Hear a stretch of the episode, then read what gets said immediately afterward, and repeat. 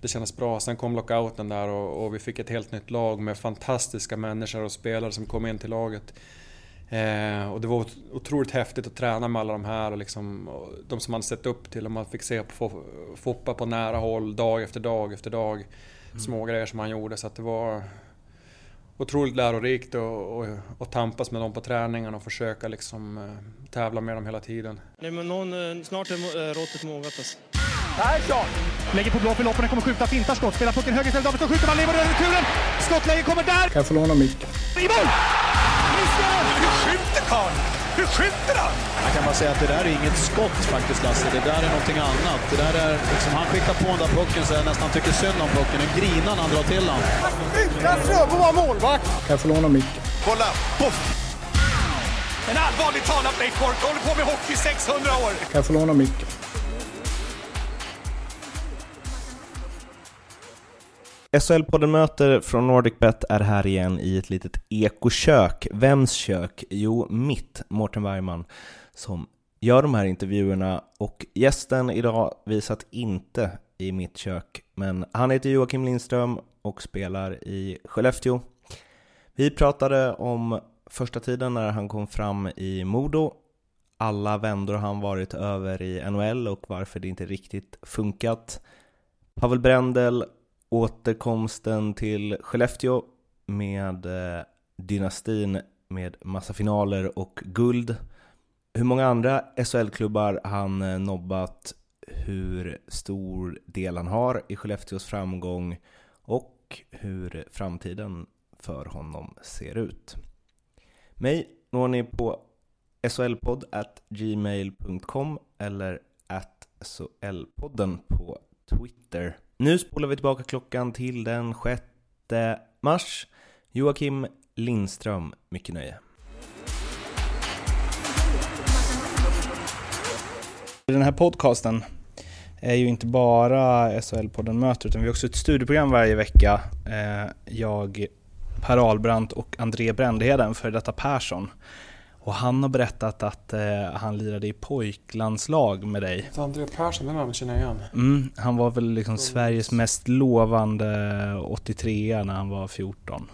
15. Var han, från Malmö eller? Nej. Han spelade i Rögle, han var kapten i Rögle, spelade i Karlskrona ja, och eh, Växjö. Rightare eller? Exakt. Ja. Och han eh, berättade i den podden att eh, att hans första minne av dig var att du slog en helt sjuk straff okay. på något så här eh, eh, ja, junior i kronor-läger. Ja. Ehm, och han sa att han var, äh, han var överlägsen redan då, då var det bara att ge, ge upp sina planer på att bli något. Så. så eh, var du eh, grym redan i unga år?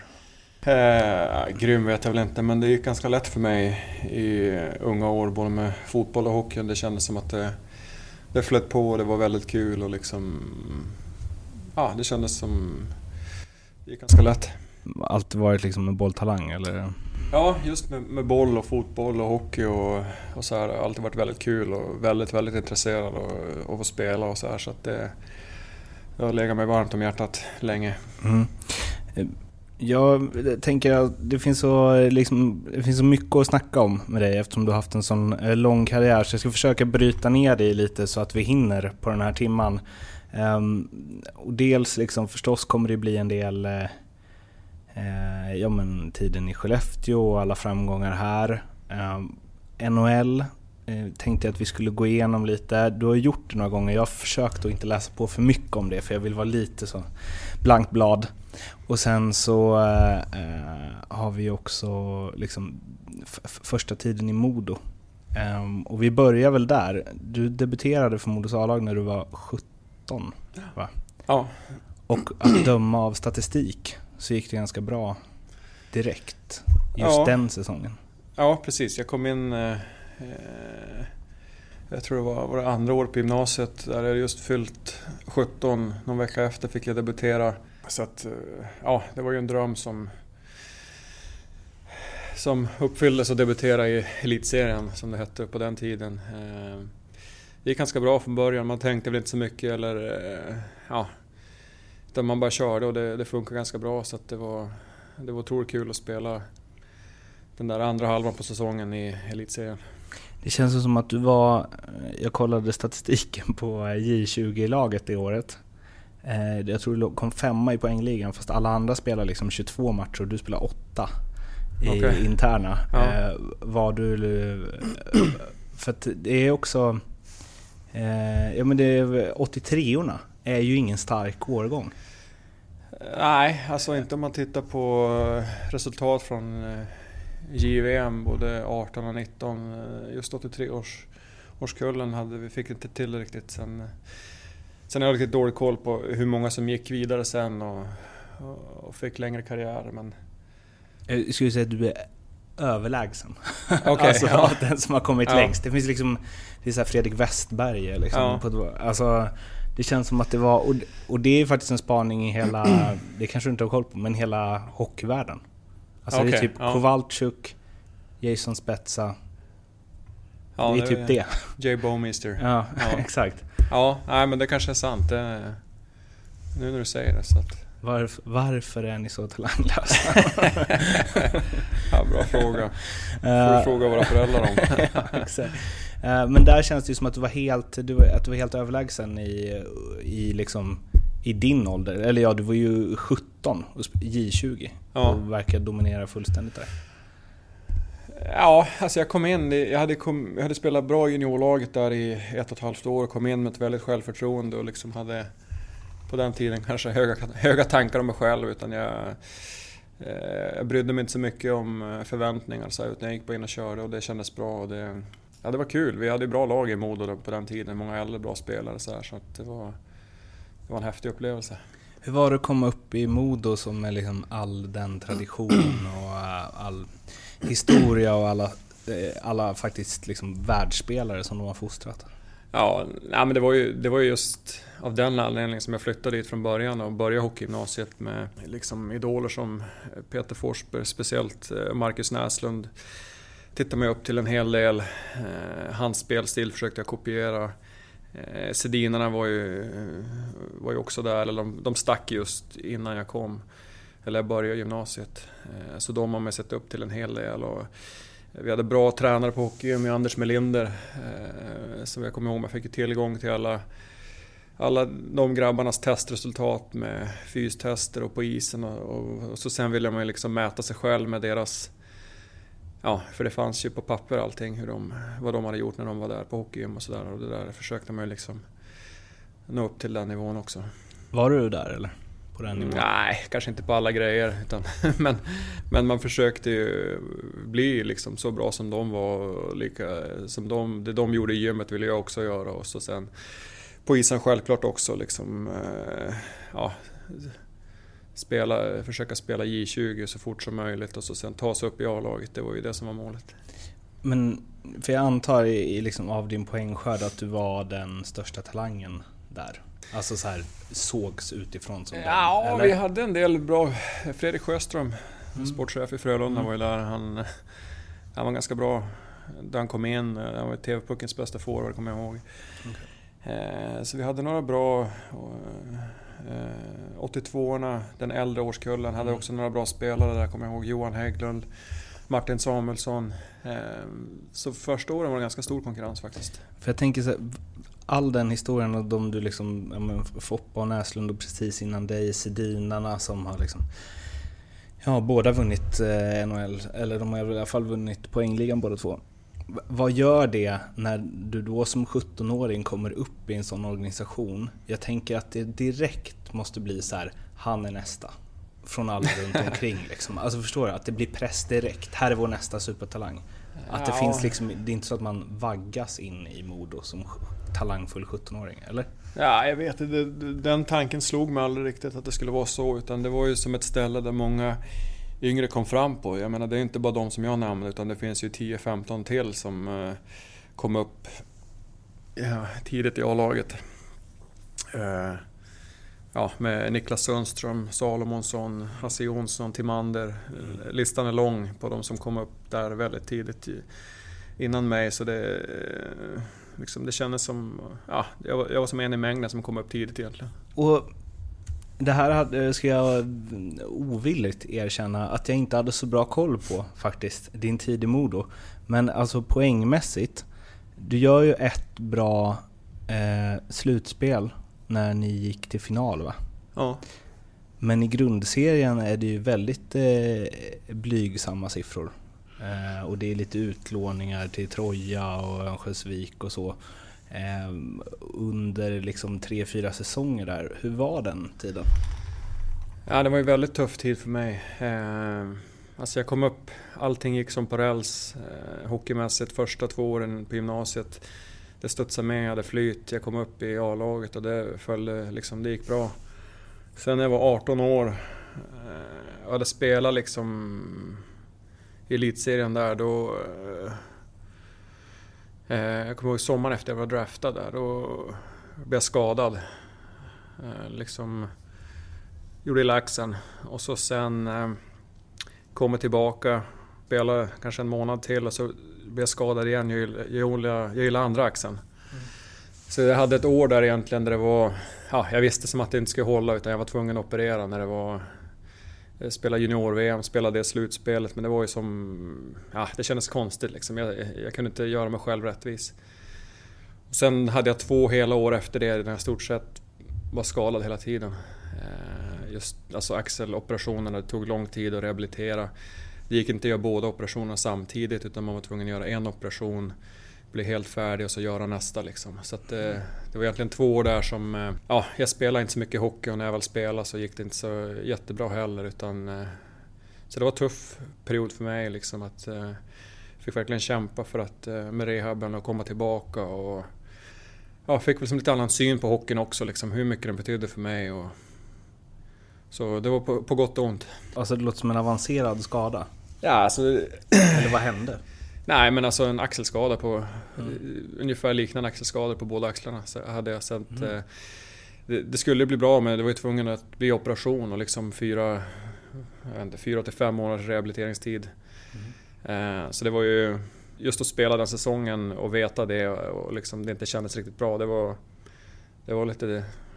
lite lite tufft va. Men, och så sen operera sig då. Så sen var det nästan två säsonger till som ja, som gick som var sådär egentligen. Som att eh, min utveckling fick inte den kurvan som jag hade velat. Men du gjorde samma skada på båda. Hur skadade du dig? Ja, det var på match. Okej, okay. mm. först den ena och sen den andra? Ja. Aha. Knasig tackling eller vad? Nej, alltså det var närkamper liksom. Det... Okay. Mm -hmm. Uh, och så var ovanligt ändå att det är en ja. på båda axlarna. Liksom. Ja, men det kanske var liksom, jag vet inte, hur man var skapt eller liksom, mm. vem, vem vet hur.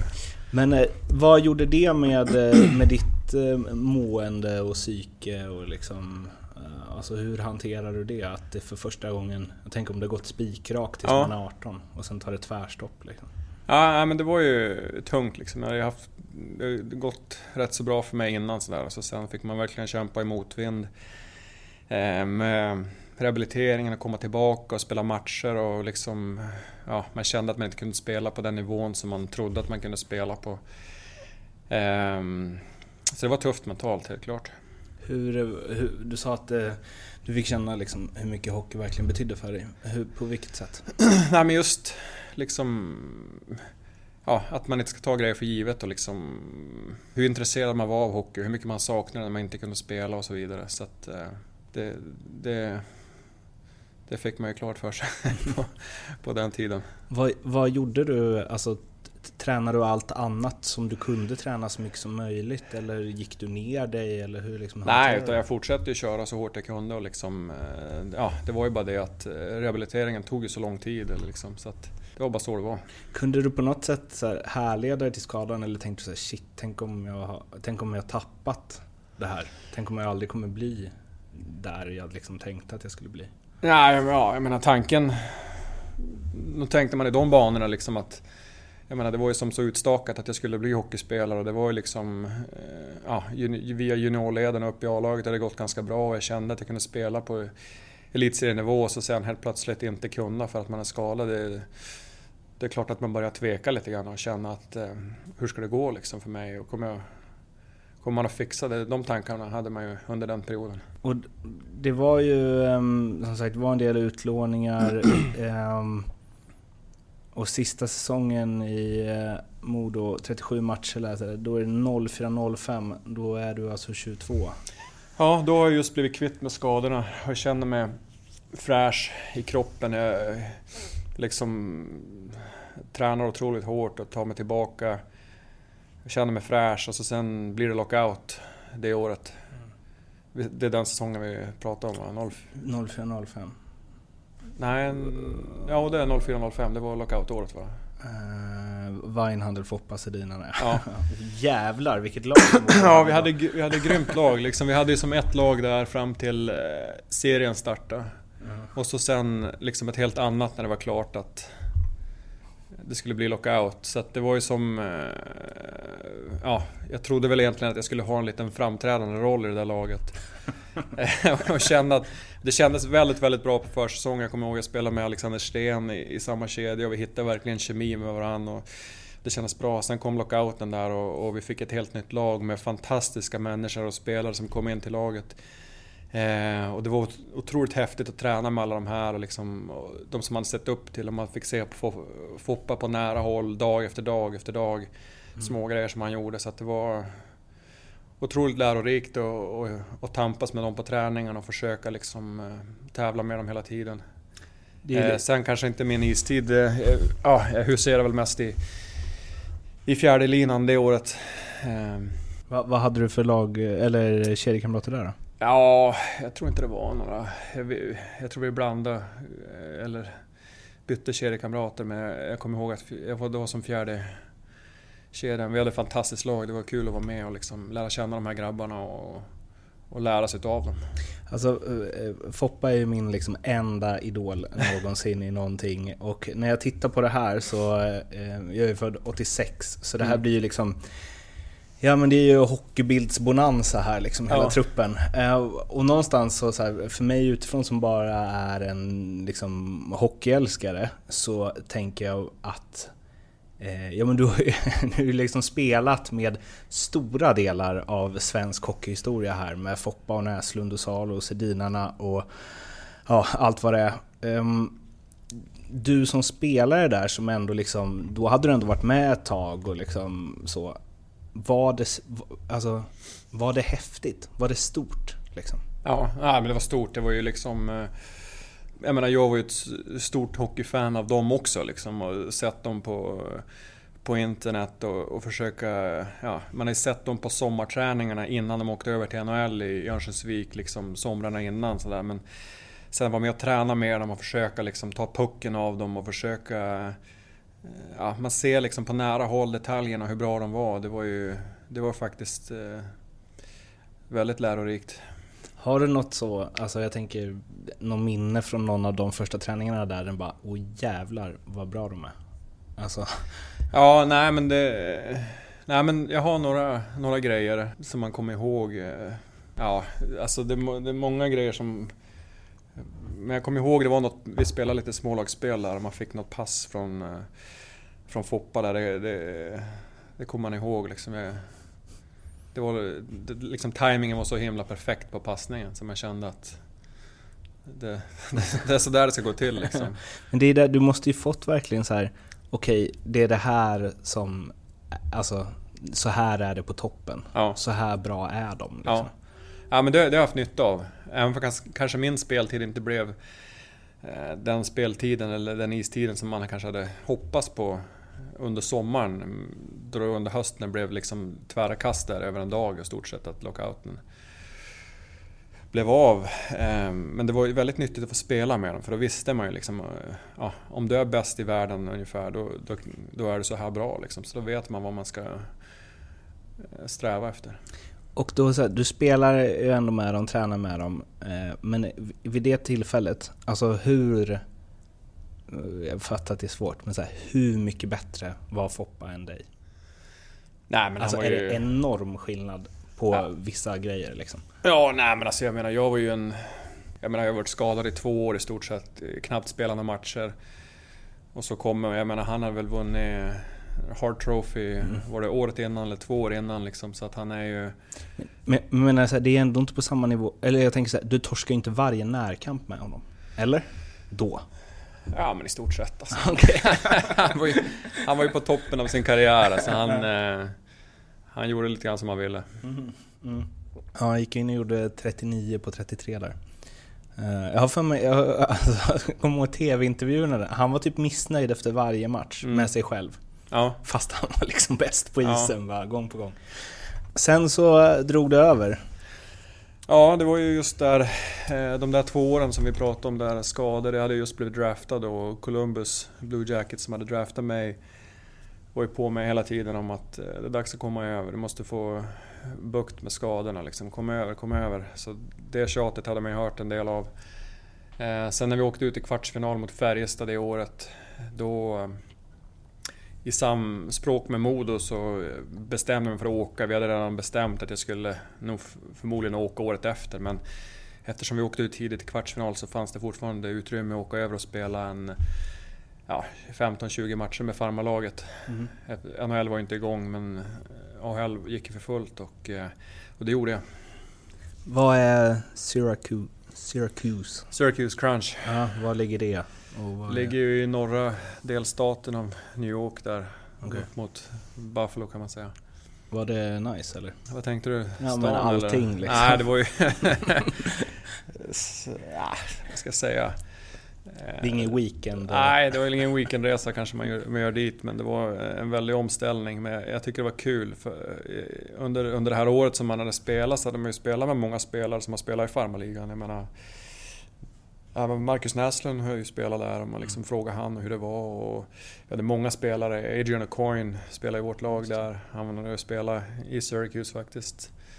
Eh, Nej men så det, de, de tyckte som på något sätt att det, det, det skulle kanske kunna vara positivt för mig att åka över och spela lite. För jag behövde ju spela hockey. Det har nästan varit... Ja, det är två år med skador plus lockout-året med, med inte så jättemycket istid. Så jag hade egentligen tre år där som... eh, Ja, som utvecklingen inte hade gått som jag hade velat. Det, jag måste bara spåra tillbaka lite där. Du sa eh, jag menar, att du pratade med Max Näslund och så. Hur var du där när alla de NHL-proffsen kom till Modo? Var det bara tjena tjena? Nej, men de är ju- Eller tar håller man låg profil? Nej men de är ju fantastiska människor. Jag tror... Eh, liksom väldigt hjälpsamma, otroliga proffs liksom. Varje träning var ju seriöst och det, det var liksom aldrig något... Utan de gjorde saker på, på rätt sätt. Man inser nu efteråt när man har spelat med en hel del andra spelare hur pass proffsiga de var. De känns inte så diviga. Nej, absolut inte. Så att, eh, ja, men det var väldigt kul att liksom spela med dem och snacka med dem och försöka liksom få en känsla för vad de tyckte om saker och ting och sådär. Var det någon som var liksom ex- extra så här mentor för dig? Av dem Nej, som du men alltså- extra mycket med? Så? Nej men alla var hjälpsamma Mm. på, på sitt sätt. Alltså det var, var det någonting, var det bara fråga liksom fick man svar. Det var, det var liksom raka rör. De var väldigt, eh, väldigt hjälpsamma. Sen så gjorde du alltså en, två, tre, fyra säsonger. Eh, tre med mestadels AHL-spel och en med mestadels NHL-spel. Eh, öste in poäng i AHL. Ehm, och jag tänker, alltså... Jag har svaga minnen av det här, men det, det stod liksom om dig i så här Sportbladet ibland. Men det var ingen riktigt som så här, varken jag eller så kompisar som följde svensk som visste vem du var liksom. Man Nej. bara, "Ha, han gör massa poäng där borta, men man har liksom ingen Nej. koll. Eh, undanskymd tillvaro fast du ändå liksom fick göra lite NHL-matcher. Ja, lite så var det väl kanske. Jag menar, jag, för mig var det otroligt viktigt att få spela under de där åren i farmarligan. Hade bra coach där borta i farmarligan. Ehm, fick spela mycket, mycket matcher. Det var ju precis det jag behövde efter de där åren i Modo då jag hade varit skadad och lockouten och där. Så det var perfekt timing för mig. Eh, sen... Eh, ja, det, nej, men det, var, det var bra. Det var väldigt nyttiga år för mig. Vi ska väl någonstans eh, gå över till eh, ämne nummer två då, som är NHL. Och när man googlar dig så får man upp en hel del där du så här... Eh, eller det var- det finns ju ett 10 minuters klipp på Youtube när Wikegård snackade med dig 2015 tror jag, så här, varför NHL inte... Eller varför det inte flög i NHL och bla bla bla. Eh, jag har inte kollat på dem, jag har inte läst dem. Men jag, utifrån den här podden så är det många som har svarat på, för jag har lite snabbfrågor i slutet, där en fråga är vem den bästa de mötte. Eh, och då är det många som har svarat dig. Okay. Um, utifrån att så här, och, och då har vi så resonerat kring att bara, det är otroligt konstigt att han inte spelar i NHL. Eh, liksom, spelstilen, att du har allting, att du har liksom fysiken, att du faktiskt påminner ganska mycket om Peter Forsberg liksom, i det så här, paketet. Um, du har ju testat flera gånger där borta utan att... Eh, alltså för resonemanget har ju gått ut på så här, var, hur, varför, hur kan han inte ha tagit plats på sex forwards i en liksom ja. producerande femma där borta? Om jag liksom helt lämnar över ordet till dig, varför har det inte funkat? Nej men det är väl... Eh, någonstans måste det väl vara så enkelt att man inte är tillräckligt bra. Det är ju... Det, det, det är det svaret jag kommer fram till. Men är det, är det alltid så då? Att man inte är tillräckligt bra? Alltså för jag menar, jag gjorde den här podden med Tony Mårtensson nyss. Ja. Och då, då snackade vi lite om det också, så sa jag så alltså dina, hans stats i KHL ja. och så ser man vad andra spelare haft för statistik som har bara gått in och krossat i NHL ja. något år senare. Så alltså, om han inte tänker att han hade kunnat spela det, han bara ja, med rätt förtroende i rätt tid så hade jag säkert kunnat producera det i NHL. Tänker inte du också så? Ja, alltså man ska ha klart för sig att det finns väldigt, väldigt många bra hockeyspelare. Det gör ju det idag. Det, konkurrensen är stor. Alltså kortare stunder när jag hade... Ja, flöt på ganska bra ändå tycker jag i NHL. Liksom. Jag hade, jag hade bra stäm och det, det funkar bra och sådär. Men eh, ja, över tid så har jag inte riktigt fått det att funka av olika orsaker. Jag vet inte vad jag ska svara men det, är man tillräckligt bra så hittar man en väg och liksom får det att funka. Ska vi, ska vi ta, om vi tar det så här först då, Columbus. Eller mm. om vi... nu, nu får du säga ifrån om det här blir för deppigt, men så här, varför funkar det inte Columbus? vi går igenom alla lag. Vi ska gå igenom alla lag. ja men jag tycker det, det var ju där jag kom upp liksom och... Jag fick spela från början så här, det var ju en ganska ny franchise på den tiden så att... Um, Ja, det var bra, det var inget vinnande, vi var inget vinnande lag direkt. Vi torskade ju massor, massor med matcher och liksom inte tog oss till slutspel. Så, så att... Eh, Tung miljö? Ja, alltså ett förlorande lag liksom och sådär. Så, att, eh, eh, så då... Ja, i slutet av, av den eh, sessionen där efter, efter året, där, då, frågade, då frågade jag om att få bli bortbytt under sommaren. Mm. Eh, ja, och eh, general managern ja, tyckte att jag förtjänade liksom en, en miljonbyte och skulle försöka hjälpa mig. Och så, där, så, att, eh, så då blev det så. Och då hamnade du i Phoenix.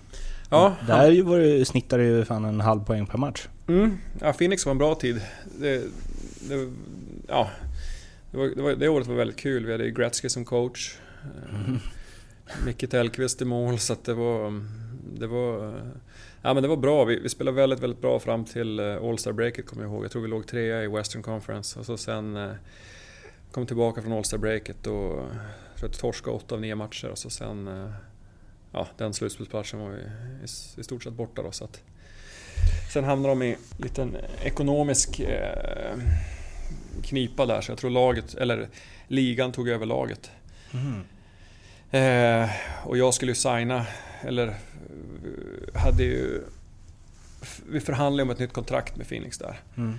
Ja, så här i efterhand så skulle jag väl kanske skrivit på tidigare men vi valde att vänta liksom. Och ligan ägde laget och det var lite oklara grejer och det drog ut på tiden. och eh, ja, Hela vägen ända in i slutet av juli och jag kände inte att ja, det hände som ingenting. Så då sa jag att eh, ja, nu får det vara nog. Liksom. Då, då, då drar jag till Ryssland. Där känner man ju, utifrån att bara gå på liksom Elite Prospects, där är du 26, har precis gjort liksom statistikmässigt en bra NHL-säsong. Eh, för när jag läste igenom så tänkte jag så här, varför lämnar han då? Mm. Av alla ja. gånger. Nej men det är ju lätt att vara efterklok liksom. Man kanske ska vänta och vänta och, och sett vad som har hänt. Men det kändes som att jag inte var sugen på att vänta så länge. Utan det... Ja, Tänkte du att du gav upp NHL där då? Eller var Ja, men lite grann det gör man ju. När man sticker från NHL då är man ju liksom eh, borta borta från luppen lite grann. Utan de har inte lika mycket scouter i Europa som de har i Nordamerika på matcher och så här. Så då kändes det som att ja, då får det bli så liksom. Mm. Vad tänkte du att du skulle vara i KHL sen, liksom när du kom dit? Var, var du värvad som en, en stjärna dit? Nej, jag, jag menar jag visste inte så mycket om KHL. Jag hade inte sett en KHL-match. Jag, jag, Liksom det, det var ju relativt nystartad liga också så här. Så att... eh, Jag kom dit och försökte göra det bästa av det där. Eh, Så det var ju väldigt skilda världar från Phoenix. Ja, utan att veta hur... Var eh, låg det där laget? Torpedo, det Ja. ligger kanske en timmes flyg från Moskva rakt österut. Okej, jag tänker att det, det är inte direkt Arizona liksom. Nej, inte samma, inte samma som Scottsdale, Arizona. Nej, men där blev det en säsong. eh, Du gjorde 10 plus eh, 20 på 55 matcher. Var det, var det bra eller? Var Ja, det... nej, det var kanske eh, en av de svåraste säsongerna som jag spelade. Mm. Faktiskt, det var stor omställning både på och utanför hockeyn. Eh, det, var, det var svårt att kunna liksom riktigt koncentrera sig på hockeyn. Det var väldigt svårt. eh. Sen fick jag spela center också, de hade värvat dit mig som center. Jag hade riktigt, aldrig riktigt spelat center. Eh, Fick du reda på det när du kom dit? Eller? Ja, okej. precis. Och det var liksom skrivet i sten att det skulle vara center hela säsongen och jag hade inte tagit speciellt många teckningar eller... Så bara det var en stor omställning. Eh, Vad hade du för procent? Nej, det kommer jag inte ihåg men det, det var väl bättre i slutet på säsongen än i början. Men det, alltså just att vi hade en sån här militärbas som man bodde på Ja, nätter, okej. dagen innan match. Så det var... Det var... eh, Ja, jag fick kämpa för att ta mig igenom det där men jag spelade... Jag spelade i samma kedja som två tjecker. eh, Pavel Brendel och Jaroslav Bednar. Mhm. Så jag och Brendel, vi höll ihop där och eh, gjorde det bästa av det. Du täckte upp i hemjobbet så ni blev kompisar eller? Precis. Ja men Brendel var en, han var en speciell spelare faktiskt. Eh, Otroligt bra målskytt. Mm. Eh, Jag tror han vann målligan i KL det året. Jaha, Men, okej. eh, Ja, han var väldigt, väldigt, väldigt duktig på att sätta dit puckarna. Jag har så tydligt minne från honom när han spelade i Mora. När, han, när de, de blev tre mot fem. Mm. Och, jag vet inte, och han ville ju spela hela tiden fast han var ju liksom inte lika bra hemåt som Nej. framåt. Men han fick pucken och alla trodde han skulle dumpa så bara drar han ett slagskott i krysset Ja. från blå. och alla bara what? Ja, men han var fantastisk alltså. Han, eh, han var målskytt av rang. Det, ja, just det året, han var... Han, han, han spelade inte speciellt mycket heller. Han kanske hade... Ja, han hade inte mycket istid per match, men han... eh, Han kunde sätta dit puckarna. Ja, Daniel Widing berättade också när, han hade spelat tillsammans i Brynäs. Mm. Så hade Widing eh, i powerplay bara dragit upp den i krysset, så här, skitsnyggt mål. Då när Brendel åkte fram och skulle gratta honom så sa han bara Next time you pass me. det är fantastiskt. Eh, det gäller att veta sin Ja, roll i hierarkin. ja, Ehm, men eh, ja, det där låter ju liksom militärbas och grejer. Det låter ju inte som något som gör att man liksom strålar utanför isen. Nej, men det var så det kände jag väl att det var ju... Det blir nog bara ett år här för mig. Utan jag känner mig, mig klar och liksom... Eh, ja, jag vill göra någonting annat. Och NHL, då man drar från NHL en gång så känns det ju som att... Då är det lite out of sight, out of mind. Så att då... Ja, det kändes som att det skulle vara kul att komma tillbaka till Sverige igen. Och där, ehm, alltså jag måste bara, jag antar att du tjänade bra i KL. Ja, det Mm. var ju... Men det spelar ingen roll i ett sånt läge eller? Det är för, det är för tråkigt liksom. Ja, just, just där på det stället kändes det som att det, det var inte riktigt... eh, Ja, det fanns... För mig, just då, så kände jag att pengarna, det, det var inte värt det liksom. Ja. Och så hamnar du i Skellefteå. Eh, om jag inte är helt snett på det, du är född här va? Mm, jajamän. Hur, och du spelar juniorhockey här. Hur var det att liksom komma tillbaka som, eh, men som en fullfjädrad hockeyspelare och eh, vuxen människa? Ja, nej men det var, det var häftigt, det var, det var kul. Eh, Jag kommer ihåg, jag var extremt motiverad att komma tillbaka till elitserien. Eh, Jag hade varit borta bra många år, jag, tycker, jag tror kanske många inte riktigt hade riktigt koll på mig vilken typ av spelare jag var och, och så här. så jag ville eh, verkligen visa upp mig från min bästa sida. Eh, speciellt på hemmaplan också, när man har föräldrarna på, på plats och, och familjen och, och brorsan och frugan. Och, eh, och så här, det kändes som att jag var väldigt, väldigt laddad att, eh, att göra en bra säsong. Det låter nästan, var det så här, Eh, alltså så här, alla som var som jag, det vill säga som bara Åh, han gör mycket poäng i AHL och så här, att du skulle bara, nu ska ni få se. Nej men det, ja, men det kändes ju som att jag... Ja, men det, var, det var mycket som var positivt. Det var positivt att komma hem och, och bo hemma. Och, och vara i Skellefteå och liksom... Det var enkelt vid sidan om isen. Eh, jämfört med året i Ryssland speciellt. Eh, eh, och så sen var jag liksom motiverad att spela Elitserien eller SHL och, och prestera bra här. Och du vinner poängligan direkt. Var det den, var det den säsongen som eh, du blev så här, känd i svensk hockey? Nej, jag vet inte. Det kanske du får svara på. men, jag, men jag tänker så här, media och sånt måste ju ökat lite. Ja, det tror jag. Jag tror inte de hade så... Ja, många som kanske inte hade speciellt koll på mig när jag varit utomlands och spelat. Så det är ju svårt att hålla kollen när man inte är hemma och spelar. Så att, nej, men det var klart att man fick lite mer uppmärksamhet det, det året. Och sen ringer Colorado? Ja, precis. Vi gör klart kontraktet där bara några timmar innan den där deadlinen, 15 juni. N när du får höra att de det och du hade ju någonstans här känt att ah, NHL det kanske aldrig blir något ja. mer. Vad, vad rörde sig i ditt huvud då? Ja, nej men det... Det var lite oväntat. Eller jag tänkte som att, ja men... Liksom jag är ju här och spelar nu i Sverige, det kommer nu förmodligen inte hända. Men sen eh, kom kontraktet upp och jag var väl kanske... Ja, jag var lite tveksam till kontraktet i sig. Mm. Redan som det var för att det fanns en, en klausul i det som sa att de kunde bryta det i december månad ifall de kände för det. Så det var ju egentligen inte ett ettårskontrakt utan det var ju liksom Ska man säga. Super safe kontrakt ja, från deras håll. från deras sida. Det var ju en chansning men det är klart, eh, jag menar, som NHL är ju NHL och liksom... Ja, jag kanske ångrar mig lite grann att jag stack från Phoenix och jag kanske ville ta chansen och sticka eh, tillbaka igen. Och, och jag hade inte så många timmar på mig att fundera på det. Eller det var någon dag där som jag kunde. Så att, men jag, jag sa, jag, vi kör på det, vi testar liksom och ser till Foppaland. Ja, nej men Colorado, sen just att det var Colorado också. Jag tycker Denver är himla häftigt med just staden i sig. Så, så det kändes som att ja, vi, vi, vi testar och ser. Och det gick okej okay, men?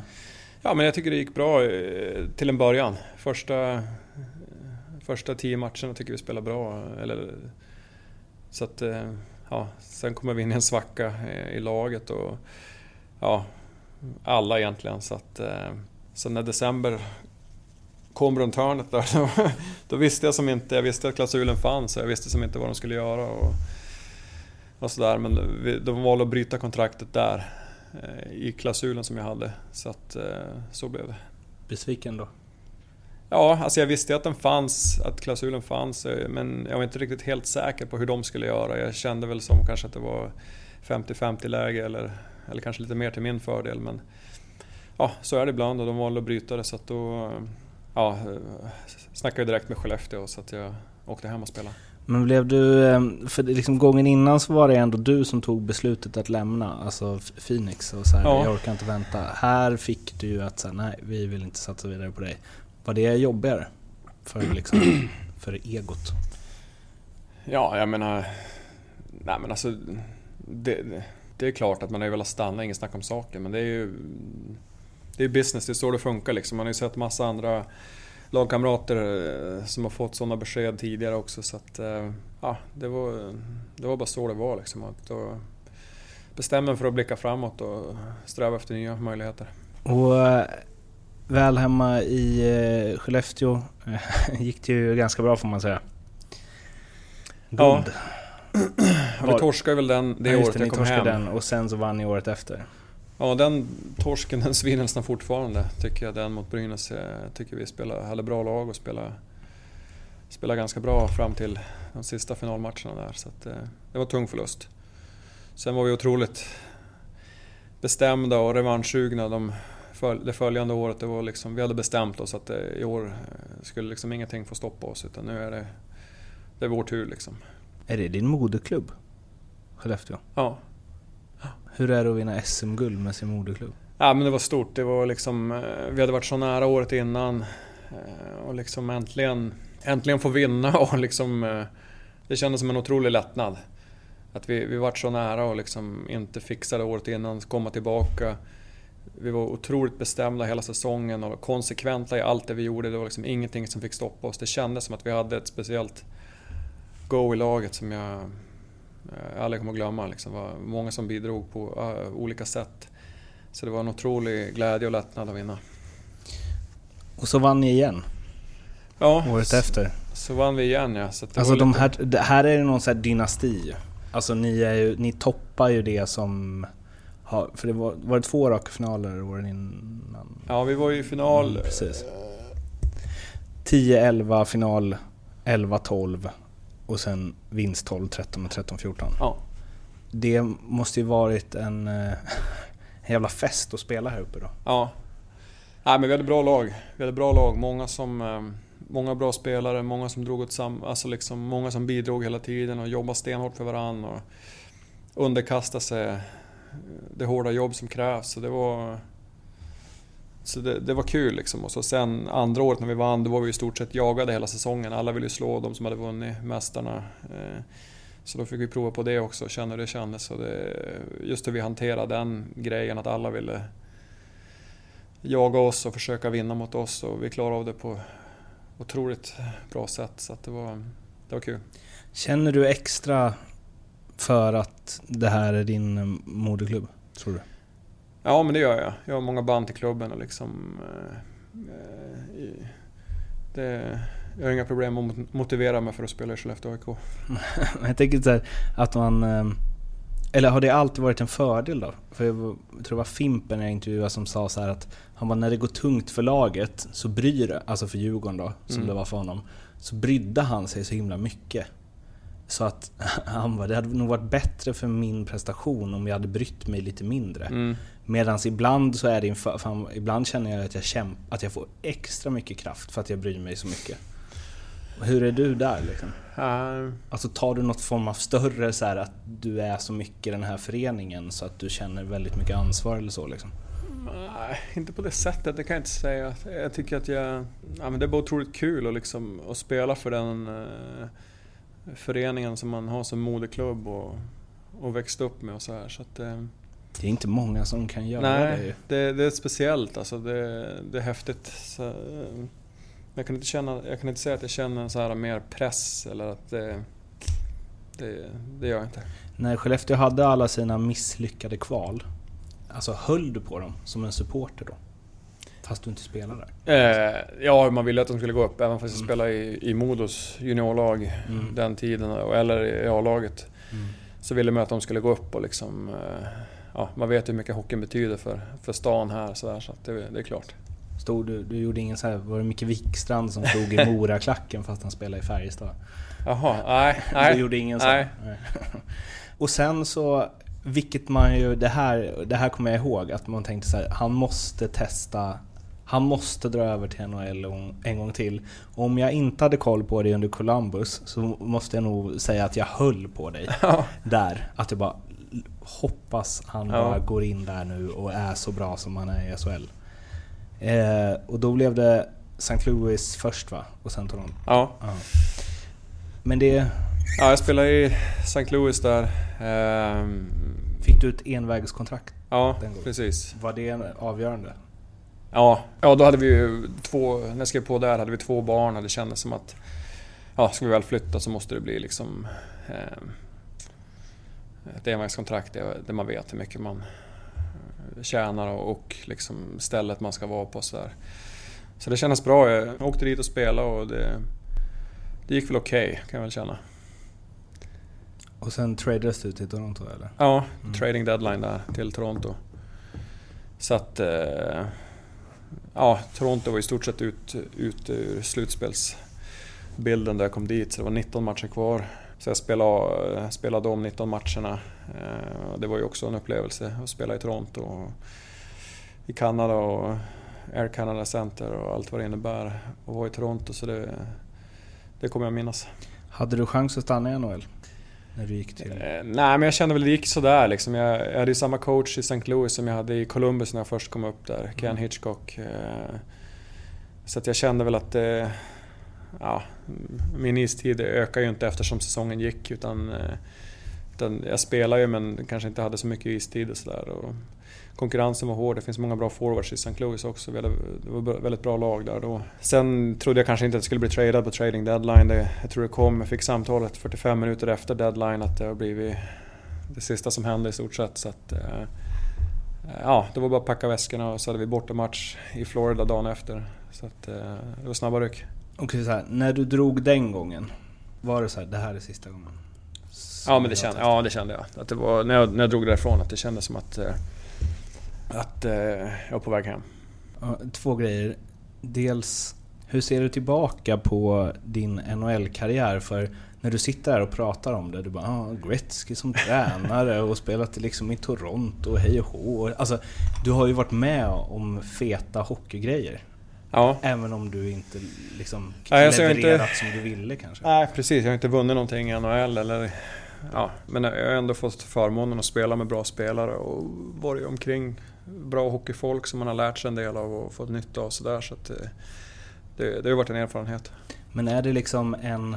Är det med hockeymått mätt så här, lite ångest som du tänker på NHL eller kan du se tillbaks på det med liksom glädje och fina minnen? Eller hur, hur, hur? Ja, men jag menar, jag har ju träffat massor med människor under de åren som har betytt mycket för mig. Så det, de minnena kommer jag alltid ha med sig. Liksom. Sen, eh, där, just där och då så gjorde jag allting jag kunde för att, för att lyckas. Och liksom, eh, eh, jag hade ju mina stunder där det flöt på ganska bra och sen hade jag andra stunder där det inte gick så bra. Så att, ja, det är bara så det är. Liksom. Jag, jag gjorde det jag kunde där och då. Liksom. Det,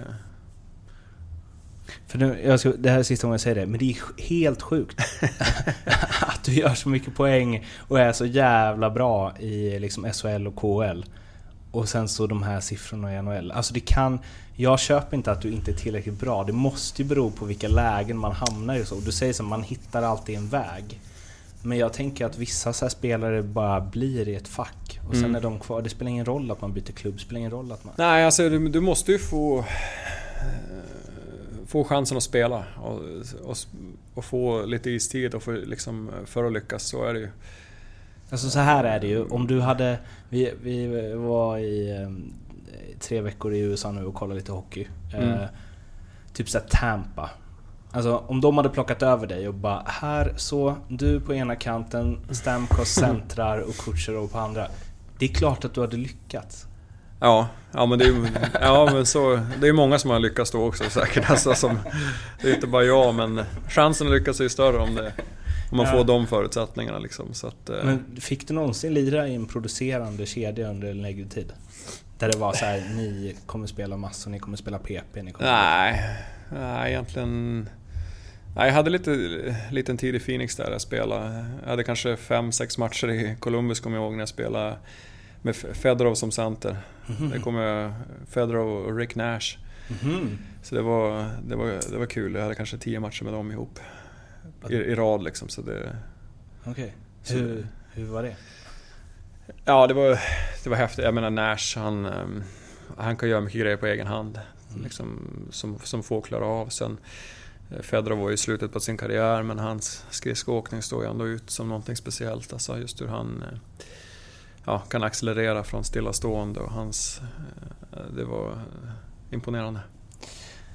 En säsong i eh, Sankt Petersburg, tillbaka till Skellefteå, fortsätter ösa in poäng. um, har du någonsin, eller så här, eh, jag utgår ifrån att du har det. Hur många andra SHL-klubbar har du nobbat genom åren? När du vänt hem till Skellefteå varenda gång? Nej men eh, ingen egentligen. Ja. Eller ja, första gången jag var på väg hem då hade jag väl lite kontakt med någon annan klubb men eh, Det kändes ändå som Skellefteå var liksom huvudspåret sådär. Mm. Men efter det har eh, du har haft kontrakt eller? Ja, både vissa gånger har jag haft kontrakt och andra gånger så har jag liksom Det har liksom löst, löst av sig själv. Det har, inte, det har, det har känts naturligt liksom, tror jag. Säger du liksom till din agent, ring Skellefteå. nu vill jag hem. Ja, men vi har alltid haft en bra dialog genom sportcheferna som har varit här och liksom alltid hållit, hållit kontakten och sådär. Och, och, ja, så de har vetat vart jag har stått någonstans och, och vice versa. Så att det, det känns naturligt. Och du då som är fostrad här, uppväxt här, uppväxt med Skellefteå, spelat i laget under de mest framgångsrika åren. Det är många spelare man pratat med som har spelat här, som har kommit hit, som har blommat ut och alla pratar om liksom fantastisk träning och allt sånt där.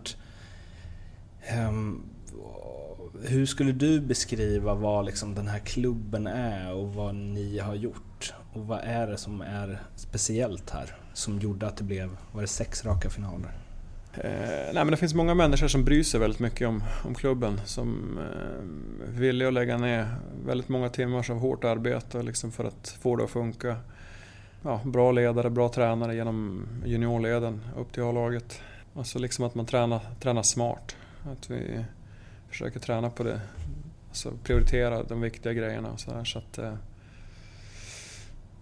Eh, nej, men det är väl egentligen kanske kompetensen på, på folket som finns runt omkring, ska jag kunna tänka mig. Det måste ju ha hänt en del också sen 2010? Ja, det har det gjort. Det är liksom både utanför off-ice och, och, på isen, liksom, hur vi tränar. Det, det är ganska stor skillnad. Hur stor roll har du i den här föreningen och laget? Och så, liksom? Nej, jag vet inte. Jag försöker göra mitt jobb, jobba så hårt jag kan och, och, och, bidra på det sättet och försöka tävla så mycket som möjligt på träningar och matcher. Och, ja, förhoppningsvis kanske det, att det smittas av på någon annan. Jag pratade med Henrik Hetta när vi spelade in den här reklamfilmen. Ja. Uh, och då, för då sa jag till honom, jag bara, alltså helt otroligt så här, eh, och Lindström och Möller hur de bara åkte ut och så här, typ satte den i ribban nästan på första försöket. Ja. Så här. Och då sa han, han bara, ah, alltså Dels så, så här, att båda är så otroligt skickliga sa han, men så sa han också att så här, och det som är speciellt är att det är alltid de som tränar hårdast, det är alltid de som är först på träning, som ska hela tiden så driva det. Och han menar på att det är en stor grej i ja. att Skellefteå är så bra. Att de som förväntas leverera också är de som alltså inte så glider in en kvart innan match och Nej. ska vara sköna i PP. Liksom, om du fattar vad jag menar. Ja.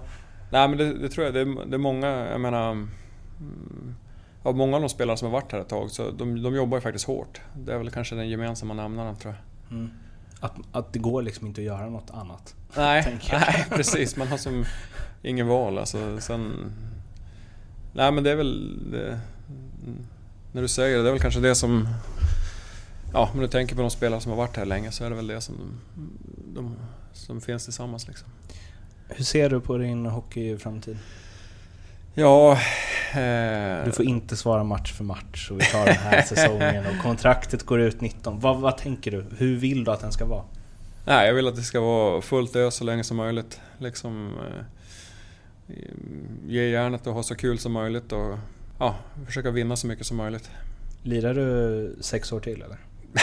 Nej, vet, det vet jag faktiskt inte. om Ja, men får jag vara frisk och hel och liksom spela, kunna prestera på en nivå som jag känner är, är liksom bra, då kommer jag fortsätta så länge som, som det går.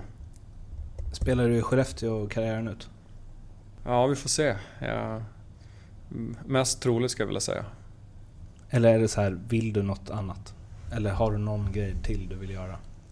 Schweiz? Schweiz. andra divisionen där, bara glassa runt. Ja. Nej, det, mest troligt så är, det, så är det Skellefteå som gäller. Det blir ingen sån Renberg, Luleå, Nej. en säsong? Nej.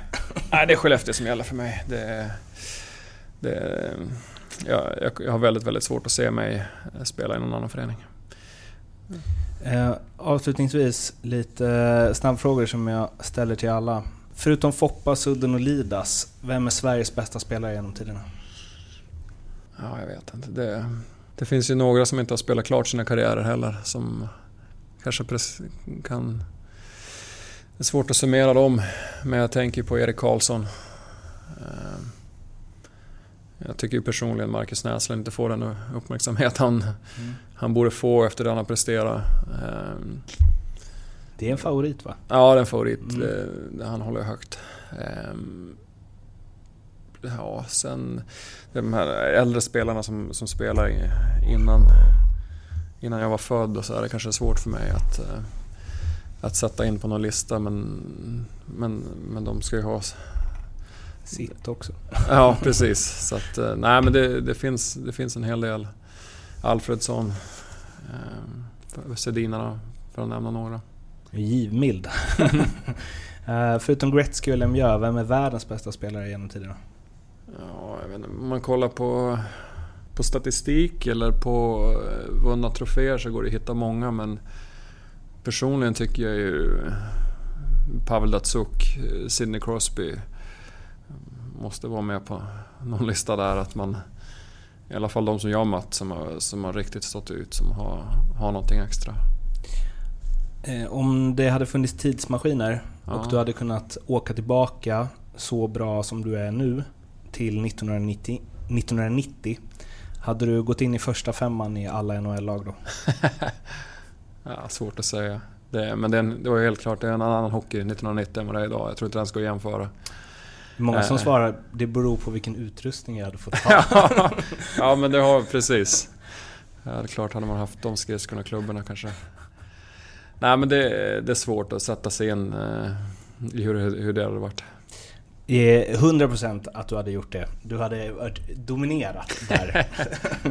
Eh, det är bara att kolla på någon gammal match.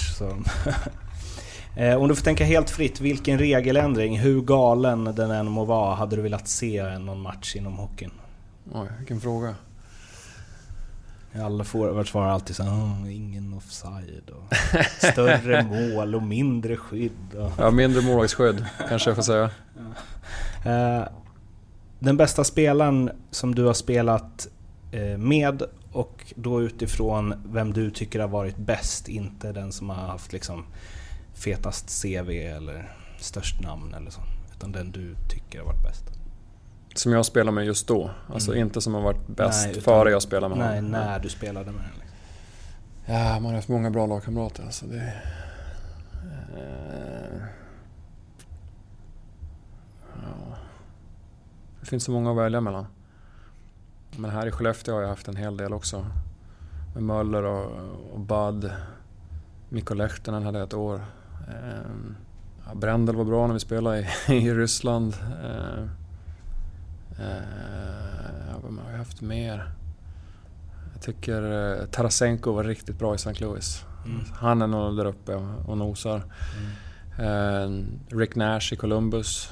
Fedorov var otroligt skicklig också i Mm. Columbus. Det, även fast han var i slutet på sin karriär där. Men trots att vi förlorade så mycket och han var liksom... Han var ett superproffs genom hela säsongen och liksom bara... Ja, jag vet inte. De, någon av dem, de jag nämnde där, Tarasenko, Mm. Nash eller Fedorov. Och den bästa du mött då, också utifrån så här just där och då, vem du tycker har varit bäst av dem som du mött? Ja, det är många som man har mött. Men jag tycker ju alla matcherna mot eh, Detroit när eh, Zetterberg och Datsuk, Datsuk Mm. stod ut. Alltså han... eh, Ja, speciellt matcherna mot Columbus. Det var ju kattens lek med råttan. Han gjorde som han ville i stort sett. Det, han var speciell, Zetterberg också men, men Datsuk eh, skulle jag nog välja. Crosby är ju givetvis Ovechkin. Men jag tror jag tar Datsuk. Vad är det som, är, som han är så himla bra på? Jag vet inte. Det... Jag vet inte, jag kan knappt förklara vad han, vad han gör som... Okej. Ja, men det är, eh, spelsinnet, eh, hur han täcker pucken, hur skicklig han är liksom. eh, Hur hårt han tävlar. eh, Bra avslutare, bra, bra passningsspelare, han är bra defensivt, bra offensivt. Han, gör väl, han har väldigt många grejer som han gör på en väldigt hög nivå. Mm. Så han konsekvent gör match efter match efter match. Det... Nej, han var... Eh, I sin prime var han väldigt, väldigt bra. Det var någon, jag kommer inte ihåg vem det var som sa det, men det var någon jag intervjuade i den här podden som så här, Det är mycket med honom att man lyfter hans liksom, ja men, grymma dribblingar och liksom tekniker, men att det som han är liksom eh, helt så outstanding är just så här att man, det går inte att komma åt honom. Nej. Fast han inte är så stor så man når liksom inte Nej. pucken. Det går aldrig att komma nära där. Nej, han är... Nej, de gånger man spelar mot han är bättre än vad man tror. Liksom. Han är snabbare än vad du tror, han är starkare än vad du tror, han är bättre på att täcka pucken än vad det ser ut att vara. Liksom. Han har bättre avslut än vad du tror. Han... Ja, han, det är många spelare som kanske ser bättre, än ut, bättre ut än han på en uppvärmning eller en träning, men när väl pucken släpps så är det fem mot fem. Hans hockey-IQ är ju... Ja, det är speciellt. Vad gör man då? När man känner att det här, vi är inte på samma nivå han och jag. Ja, men då vet man ju att det finns det ju utrymme att förbättra sig. Jag tänkte just i den situationen. I den situationen, ja, det gäller ju liksom att... eh, Hu- Hugger i knävecket. Ja, precis. Den bästa tränaren eh, du haft? Ja, men jag har haft ganska, ganska många bra ändå tycker jag. Eller kanske så vem som har betytt mest för dig och din karriär? Liksom. Ja, Melinder, en av dem, som jag hade i Modo. I farmarligan där borta hade jag en kille som hette Gary Agnew. Mm. Jag tror nog han... Eh, jag fick jobba väldigt, väldigt hårt för att få hans förtroende i farmarligan. Sen när jag väl fick det... Eh, ja, liksom så betydde det en hel del. så han gjorde många saker för mig. Ja, men jag säger nog han, Gary Agnew. Mm. Jag gillar det, när folk man aldrig hört talas om Mm. lyfts fram i rampljuset. Ehm, Den bästa lagkamrat du har haft utifrån hur du tycker att man ska vara i ett omklädningsrum och i ett lag? Shane Doan, Mhm. Ja, Phoenix. bör, man behöver liksom inte fråga något på det. Nej. Eh, Ja, det måste jag fråga på tal om lagkamrat-grejen då. Ehm, Jag ska ju intervjua Oscar efter det här. Ja. Eh, Med tanke på det som eh, hände honom förra året, eller hans fru. Mm. Hur är man då som lagkamrat? Och hur är man liksom i ett lag när det händer någon som man normalt sett kamperar ihop med? Liksom? Ja, nej men man blir ju... eh, Alltså chockad först av allt. Eh, Det, det är en jättechock som... eh, Som sätts in direkt. Sen... eh, Ja, det är som svårt att sätta sig in i en sån situation liksom.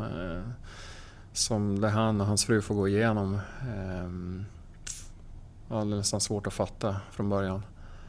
Eh, Man förstår liksom hur, hur skört livet är och det gäller liksom ta vara på varje dag och liksom hockeyn sätts som i ett annat, i ett annat perspektiv lite grann. Eh, så att... eh, Nej, det var ju... Ja, väldigt chockerande från början. Påverkade det er mycket? Du tänkte som lag eller? Ja. Nej, alltså från början var det ju liksom... Som så många frågor och man visste som inte hur det var. Men sen när han väl kom tillbaka efter... Jag vet inte, det var två månaders tid eller någonting. eh, Då tycker jag det blev ett jäkla lyft för, för oss som grupp och liksom att han var tillbaka och... Och eh, det såg lite bättre ut och... Ja. Det betydde mycket för oss. Har du blivit starstruck inom hockey någon gång? Ja, det sa du ju i och för sig. Ja, du tänkte på lockoutåret där? Ja. ja. Nej men det är väl det. Sen jag menar, det är alltid kul att träffa dem, de stora. Mm. På något sätt. Ja, Gretzky var ju coach för mig där ett år. Att det måste ju Det, vara... för, alltså det var ju lite också så här, vart vi än åkte någonstans så var det ju som att... eh, Det var en filmstjärna som var med liksom. Alla ville fokusera på han. Så det var, det var lite speciellt. Vilken är din eh, bästa egenskap som hockeyspelare? Ja, det är ju drivet att vinna. Drivet att bli bättre och drivet att vinna liksom. Det, det är min största tillgång. Om du fick ta en annan spelares egenskap och addera till dig. Vilken egenskap från vilken spelare? Då skulle jag nog ta eh, McDavids skridskoåkning. ja, bra val. Hur många procent slash hårt arbete är du? Hur många procent talang slash hårt arbete är du? Ja, mitt, mitt hårda arbete matchar ju definitivt min talang, så är det ju. Så vad än min talang är på så, så jobbar jag lika hårt. Det du säger är alltså 50-50? Här? Ja, Att- okej. alltså jag, jag, skulle, jag skulle nog vilja säga att jag kanske jobbar lite hårdare också. Ehm, hade du någon favorithockeybild när du var liten? Ja. Eller jag hade väl två. Mhm. Två stycken. Båda från gamla Rangers-spelare. Mhm. Mark Messier och Alexei Kovalev. Gött. Har du kvar dem eller? Eh, nej, det har jag inte. Men jag har kvar en tröja som jag köpte på den tiden. Jaha. Kovalev 27. Kovalev 27, Ja. så nice ju! Det är hipsterpoäng till den alltså. Uh, din största framgång inom ishockeyn? Ja, det är, det är SM-gulden. Ditt största misslyckande? Du Eh, nämnde en finalförlust ju, som fortfarande... Ja, nej men den, det är klart att den... Det är ju ett litet misslyckande. Sen blev ju kanske inte OS-turneringen vad vi hade hoppats på heller. Om du helt och hållet fick regissera din sista hockeymatch, hur gammal du är, var du spelar, vilka ni möter och vad som händer i matchen. Det behöver inte finnas någon rimlighet i det här. Hur låter det då? Förhoppningsvis är man vid 40 kanske. Va? I Skellefteå. SM-final. Vinst. Det finns, ingen så här, det finns inte mer så här sjunde avgörande mot eh, Björklöven som då har gått upp. Du avgör. Nej, men, men vinst. Sluta med att vinna. Sluta med att vinna sista matchen. Det, det hade varit fantastiskt. Och slutligen, eh, vem tycker du jag borde, vilken SHL-spelare tycker du jag borde intervjua i den här podcasten? Rennie Bork. Tror du det hade varit ett bra snack här eller? Ja, jag tror han kanske har lite historia. Okej, gött. Eh, Jocke, tusen tack för att Ja. du ställde upp.